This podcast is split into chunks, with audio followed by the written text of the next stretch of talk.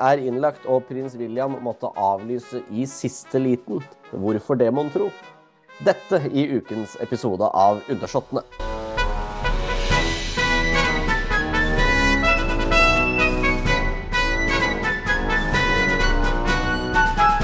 Hei, Karoline. Hei. Velkommen igjen. tilbake igjen. Takk, og- Ja, takk og takk. Gammel vane, vond å vende. Ja, sant det. Åssen har, det- har det vært eh, de siste dagene? Det har vært mye jobb? Ja, du vet at eh, når du har det travelt, så er det travelt. Og det er jo eh, med en gang det skjer et eller annet spesielt i den kongelige verden, så, så må vi kaste oss rundt. Og denne uka her så er det jo sånn at kong Harald ble lagt inn på sykehuset, og ikke hvor som helst, men i Malaysia. Av alle steder. For det var vel mm. Hva tenker man på tirsdag? eh, fire, nei, seks minutter på fire. Så kom meldingen fra, fra kongehuset Ja. sine nettsider. Egentlig på vei til å gå hjem. Ja, Jeg var, jo jeg hadde akkurat rukket å, å kjøpt meg en kakao på kaffemaskinen på biblioteket i Mjøndalen. Skulle sette meg ned og skrive litt til. Og så så jeg den mailen, åpna den, tok opp telefonen, og så tre, to, én. Og så ringte TV 2. Ja. Og der hadde vi jo et gjensyn. Det er lenge siden jeg har hatt noe med TV 2, og at jeg har vært der fordi at ja, det gidder vi ikke snakke om, men nå er jeg i hvert fall eh, tilbake igjen, så derfor vi, møttes vi der også. Vel å merke så så vi ikke hverandre, men uh, vi var begge og snakka om det som skjedde ganske kjapt etter at den meldinga kom hjem. Ja, jeg tenkte jo nå Å, er endelig tryggheten min tilbake i studio? Ja, det er alltid litt deilig å være Ja, det er to, eh, faktisk. Ja, det er det. Det er veldig, veldig fint. Men eh, det, det, var, det var jo veldig overraskende, da. Og det blei jo, det ble jo eh, Fra kongehuset sine, sin side så blei det jo fremlagt sånn veldig nøkternt og bare Ja, kongen blir fulgt opp av, av malaysisk og norsk helsepersonell. Og så begynte jo alle spekulasjonene å gå på hva dette var for noe, hvorfor han var i Malaysia, hele den greia der. Men eh, det er vel en kjent sak, Karoline, og det nevnte jo du for meg rett før opptaket her, at kongen har jo vært i Malaysia før. Det er rett og slett sånn at kongen han er alltid på vinterferie når vi har vinterferie i, eh, på Østlandet eller i Oslo-området. Det er i uke åtte, og det er sammenfallende med når han har bursdag. Da er nesten han alltid utenlands, og ofte med eh, Alltid, tror jeg, med Sonja, og, og ofte med resten av familien. Denne gangen er hadde ingenting som tilsier at resten av familien var med, men for eksempel når han ble 85 år, så var de jo i, på Mauritius, og når han ble 80, så var det i Sør-Afrika. Da var både barn og barn og barn og svigerbarn også med. Eh, og vi så jo ut fra kalenderen, den kongelige offisielle kalenderen som ligger ute på kongehuset sine sider, at han eh, altså Akkurat den uke åtte så sto det ikke oppført noen ting, så da var jo kronprinsfamilien også på ferie. Eh, mens for de som har lest til hør, så kan man si at de har vært i Florida. Men eh, og så eh, så man at da i uke ni så var kronprinsen tilbake, men som kronprinsregent. Og for oss som følger med, så er det lett å skjønne at OK, da skal kongen være utenlands, for han var jo ikke sykemeldt. Eh, så han har nok eh, vært der et, eh, et Altså han skulle være der et par uker, og Malaysia har han vært flere ganger tidligere. Eh, de oppsøker sol og varme, og er ikke reist, redd for å å, å reise langt, åpenbart. Og det har jo òg blitt en slags debatt, ser jeg. Ja, og det, det syns jeg er litt rart. Altså, ja, hvorfor dro kongen så langt? Eh, det du heller skal prøve å vri det til, sånn jeg ser det, med tanke på liksom at han fikk en infeksjon der, er det at da har jo kongen vært frisk nok da, til å dra så langt. For når du kommer ja, opp i også. Ja, når du kommer opp i den alderen der, så skal du få, må du på en måte få kall det en sånn helsemessig godkjennelse da, for lange flyturer. Nettopp fordi at det utsetter eh, kroppen for, eh, for så mye.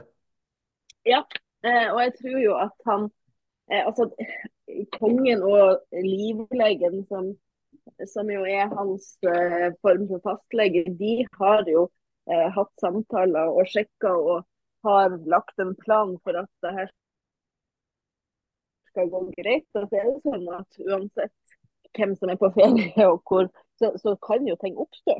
Eh, men da har de vel funnet til at han er friske nok til å, å å håndtere det på en måte. Men, men eh, nei, vet du, jeg syns det her er en mann som bare for noen dager siden ble 87 år gammel og er 20 år på overtid pensjonistalderen. Han må da jaggu få lov å reise hvor han vil. Han er så lojal og ansvarsfull på alle mulige måter og fortjener den sola og den ferien han kan få, tenker jeg. Og så er det bare synd at, det- at det ble avbrutt på den måten. Og så må er vi selvfølgelig bare ønske god bedring og håpe at, at han kommer så fort på beina igjen. Det er jo sånn at denne livlegen er kommet til Malaysia. Da. Ja da, og det, det er nok, eh, er nok også lurt på en måte for både kommunikasjon og både det ene og det andre. Og dette var jo et godt sykehus han hadde havna på. Det var en tidligere ambassadør, norsk ambassadør til Malaysia som uttalte seg til NRK, tror jeg, samme dagen som at det området han er i og det private helsevesenet i, i Malaysia er ganske bra, da. Dette Og det vil jeg tro, apropos eh, liksom forhånds... Eh, det, sånn som de forbereder seg før de skal reise et sted, så vil jeg tro at, eh, at det er noe de har tatt med i betraktning. Og livlegen hans òg, når han får gå opp og dra så langt, så har man også eh, en formening om at det er trygt å havne på sykehus der. Ja da, og det er jo, det er jo litt sånn Sikkert mange gjør, vil jeg anta. I hvert fall gjør jeg det hvis jeg skal ut på ferie eller noe sånt, så er det jo greit å sjekke helsefasilitetene hvis en skulle være uheldig, da. Så at Gjør du det? Ja, det Det gjør det jeg jeg sier, du er altså så mye eldre enn du egentlig er. Det er helt riktig. Jeg passer på det. Ha alt klart av, av helseforsikringer og nærmeste sykehus og det som er hvis du skulle røyne på den gamle herr Schulzrud Hansen. Ja, det er bra, det. Ja, men det, eh, og, og, og, og så begynte jo da selvfølgelig spekulasjonen Ja, men hvorfor er han ikke bare på flyet hjem med en gang og masse forskjellig? Og så blir det sånn Ja, men han er jo sjuk. Han må jo bli frisk før han kan fly, fly hjem igjen. Ja, ja, selvsagt. Eh, og nå har jo Støre sagt at de vil være behjelpelige med å gjøre at han skal komme seg hjem fortest mulig. Men jeg tror jo det viktigste er at eh, livlegen er kommet ned og eh, på en måte han sier go når han er klar til å fly. For det er klart det er en lang flytur og, og en belastning i seg sjøl. Det er sånn at eh, han skal sikkert være frisk nok før de setter han på fly. Ja, og det, vi får jo, som du sa tidligere, bare ønske en god bedring og glede oss til han kommer hjem igjen. Ja, han står foreløpig eh, oppført som at han skal lede statsråd fredag 8. mars, altså om ei uke. Så får vi se om han, om han er tilbake allerede da, eller om han trenger noen dager til. Ja, så får vi bare satse på at den er hjemme igjen fortest mulig. Enkelt og greit. Ja. Ja. Vi skal en liten tur til, til Storbritannia, for der er det jo der er det mye sykdom. Kong Charles Ja, veldig. eh, behandles for, for kreft, og Catherine fyrstinnen av Wales vet vi egentlig ingenting om.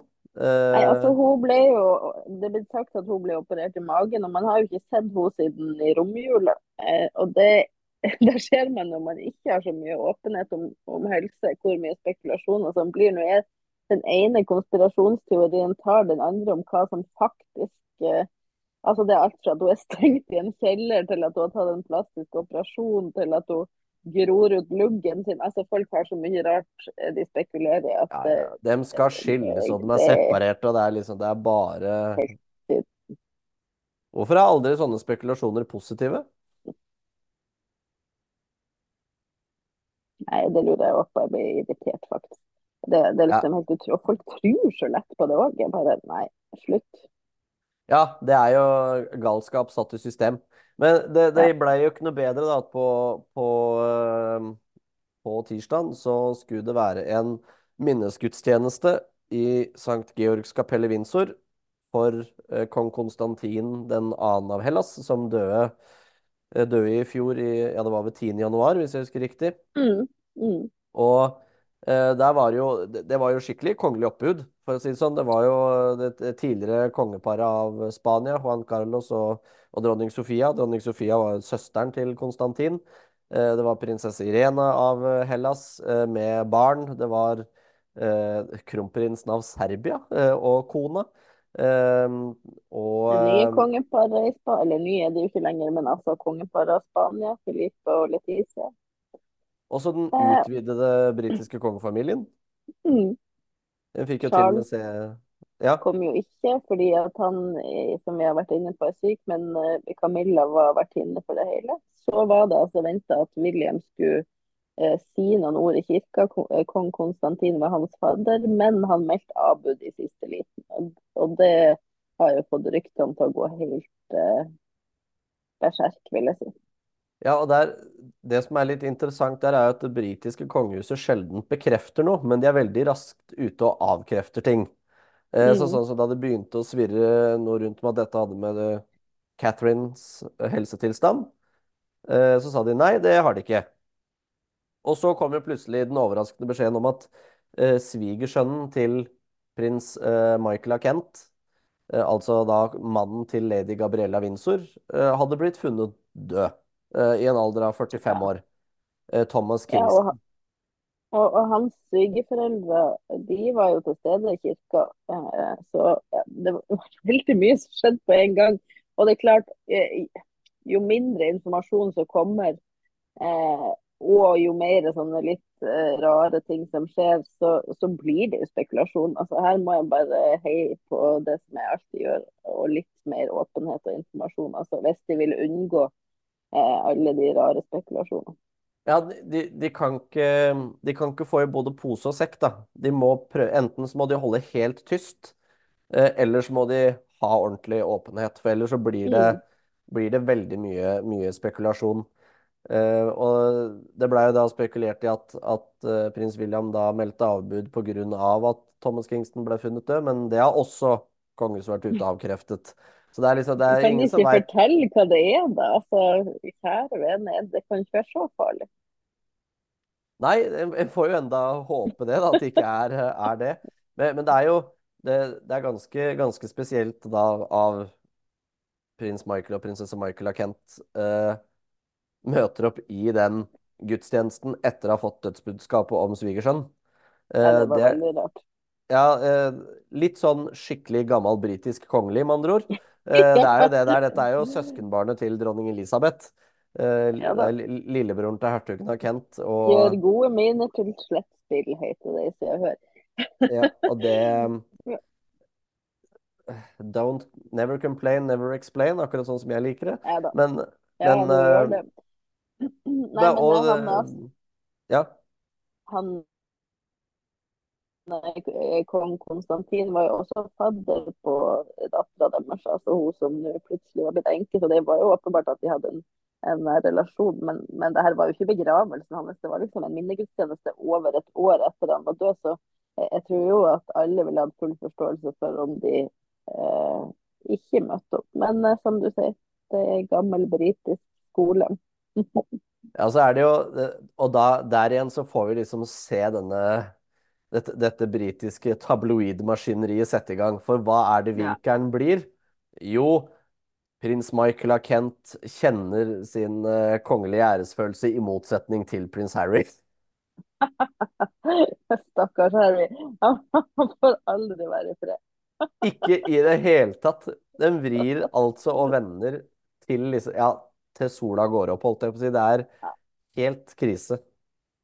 Ja, det blir, det. jeg blir faktisk lei av det, men det er sånn. Eh, ja, nei, så får vi bare se da om eh, Kate har eh, blitt stengt inn i en kjeller, eller om hun dukker opp igjen snart.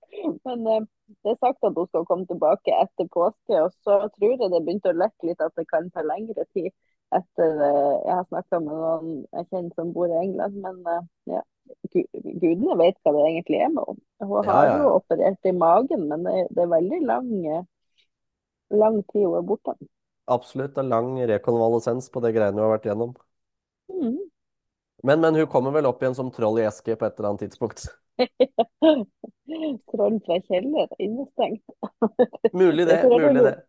Eller så rare ting. Jeg skjønner ikke at folk finner på sånt. Nei, det kan du jaggu meg si. Det kan du jaggu meg si. Og med det så har vi egentlig vært gjennom eh, vår del eh, nå, eh, Karoline. Tusen Tusen Ja, takk for at du blei med. bare hyggelig. Så får du kose deg med de som kan litt mer om sånne sære ting. Ja, nå skal våre kjære lyttere få et litt sånn engelsk innsnitt i, i podkasten hvor jeg igjen har intervjuet prinsesse Victoria Romanov, som er gift med storhertug Georgi Vladimirovitsj. Om da uh, at uh, stormesteren av Malteserordenen ble tildelt Sankt Andreas-ordenen av, uh, av den russiske avsatte kongefamilien. Så nyt det. Så du at blikket mitt falt ut veldig fort? Jeg bare Tja jeg så, det, jeg så det brant i øynene dine etter Å, dette skal jeg høre på. Jeg skal bare legge til, det kan ikke gått å være så veldig farlig, eh, det som eh, stoppa William. For han har vært ute på jobb igjen i dag. Ja, men det er jo godt. Da, da avslutter vi på den. Så eh, yes. eh, kos dere med min samtale med prinsesse Victoria Romanov. Vi lyttes.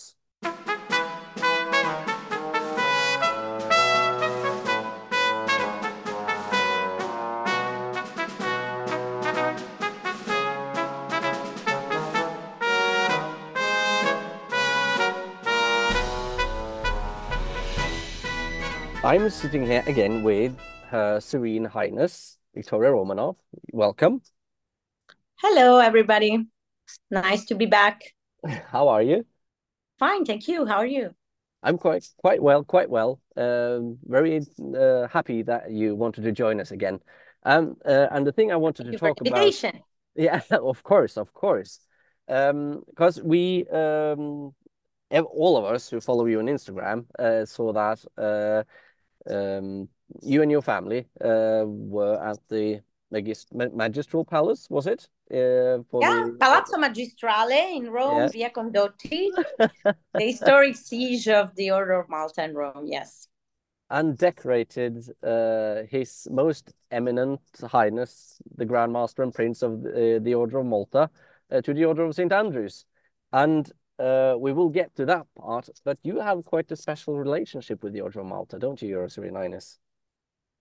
Yes, the family has a very long history with the Order of Malta because um, when Napoleon got to the island of Malta, where this chivalry were, uh, these knights were, um, he chased them. So um, the Order of Malta suddenly, you know, got a, got a, got a shock, and um, the Tsar at the time was um, Paul, and Paul decided that they, these knights could come to Russia and you know be established there, and he took over also a position, so he became the Grand Master of the Order for a while.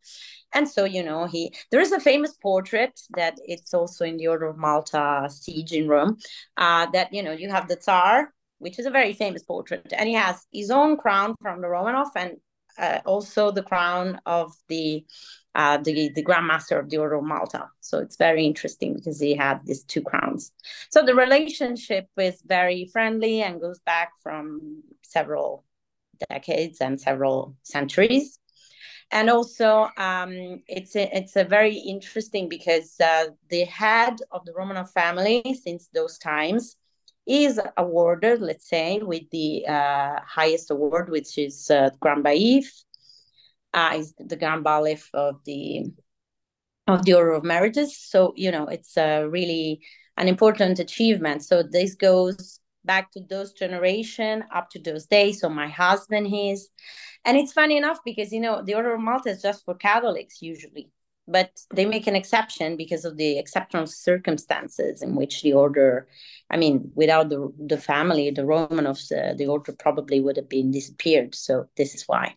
So it was a very touching experience for uh, every one of us. And every time there is a new grand master uh, this exchange of orders is renewed because you have to give it to the to the new one. So, you know, it's always a good occasion to go to Rome. And we had a very nice time, I have to say, every time.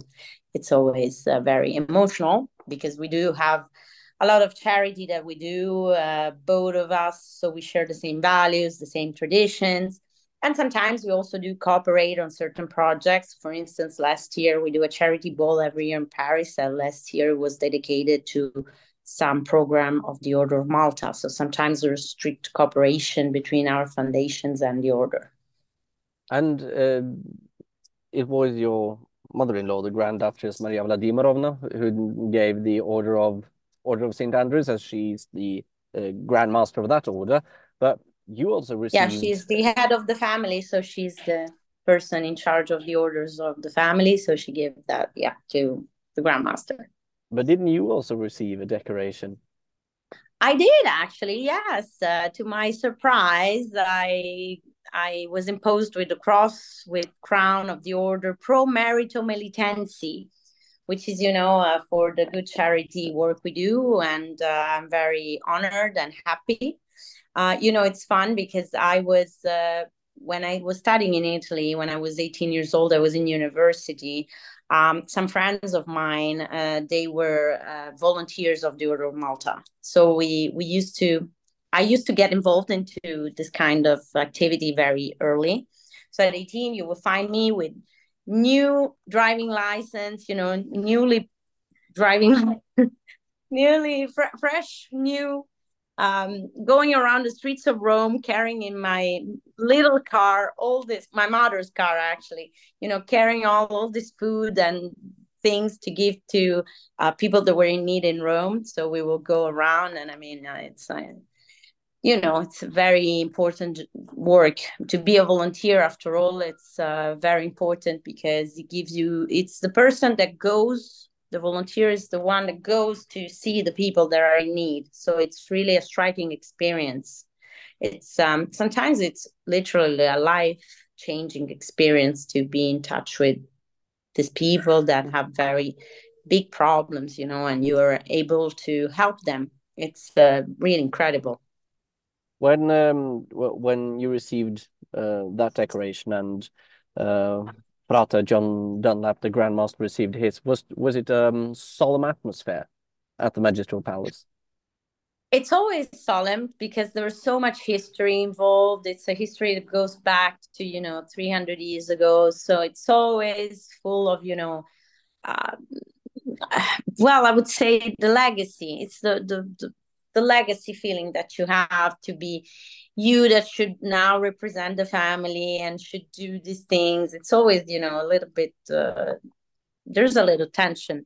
But uh, you know the the atmosphere after the official protocoler because it's very protocolar, I have to say. But after that, you know, the people that are involved in the Order of Malta are very nice, and you know, you you always it's always good to then have a lunch in which you get to know yourself better, and you know, have a, a nice chat and and share also what concerns we have about future cooperation, what we can do, how we can improve so you know it's a it's a personal relationship after all as well so it's very important and very good. Uh, do you do you have any other orders or decorations? Yes i do. I do have the santa anastasia that was given to me by the grand duchess. But you know i'm I think there's uh, a lot more that I can do like everyone else. So it's uh, it's for me it's not about the decoration. For me it's about the commitment. So I you know I I I mean, I, it's always an honor to receive a decoration, but the important part is what comes before that. I mean, the important part is to really get to know people, for people to be able to rely on you when they have problems, uh, for, you know, uh, situations that you can help uh, to solve when there is a certain type of problem. So this is the part that it's most important for me. Then, of course, every every reward it's rewarding. It's it's in the name. But um but really i mean i like personally I like the personal touch uh you know to get to know people. And sometimes you know life is extraordinary. I mean i met a lot of people in charity that have a very special past. And for a certain reason they i don't know they they lose their family something happened. And you know this is all very concerning because sometimes you you you don't really see yourself in that position but that can happen to everybody to lose their job to lose their house whatever reason i mean or to have a sick child.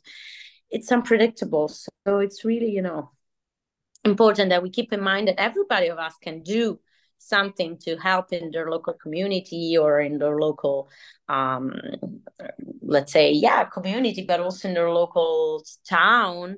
Uh, and i think charity it's a really a good value for money let's say because it gives you you you of course you you you don't get paid to do that but it's good for your soul. And that's that's worth much more than you know spending money around for nothing. So i think it's one of the best things you can do in life is charity and travel.